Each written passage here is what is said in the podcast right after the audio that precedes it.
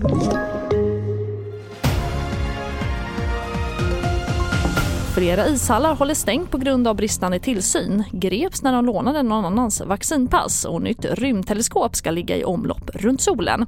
Ja, det är rubrikerna i TV4-nyheterna och vi börjar med att flera idrottshallar, bland annat i Umeå och Luleå, tvingas stänga i vinter för att taken måste förstärkas. Efter förra årets olycka i Kiruna där taket på en idrottshall rasade in kräver Statens haverikommission att tillsynen måste förbättras.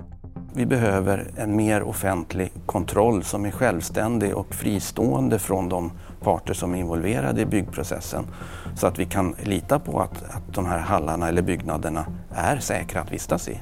Eh, vi kan ju ta exemplet med Tarfalahallen nu då i, i Kiruna. Det var två personer inne i hallen när den rasade. De klarade sig utan fysiska skador. Men det hade ju lika gärna kunnat vara ett par skolklasser på plats när, när hallen rasade. Och det sa Jonas Bäckstrand på Statens haverikommission.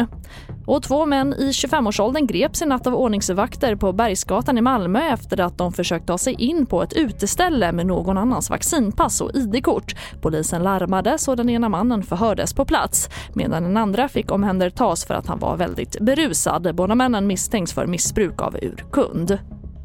Och vi avslutar med att på julafton blir det slutdags för rymdteleskopet James Webb att skjutas upp. Ersättaren till Hubble skulle från början ha tagits i drift redan 2007 men har blivit försenade många gånger om.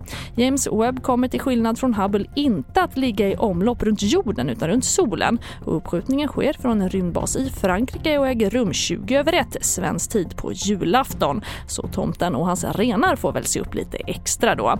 Och det här får också avsluta TV4-nyheterna och fler nyheter hittar du alltid på vår sajt tv4.se. I studion idag Charlotte Hemgren.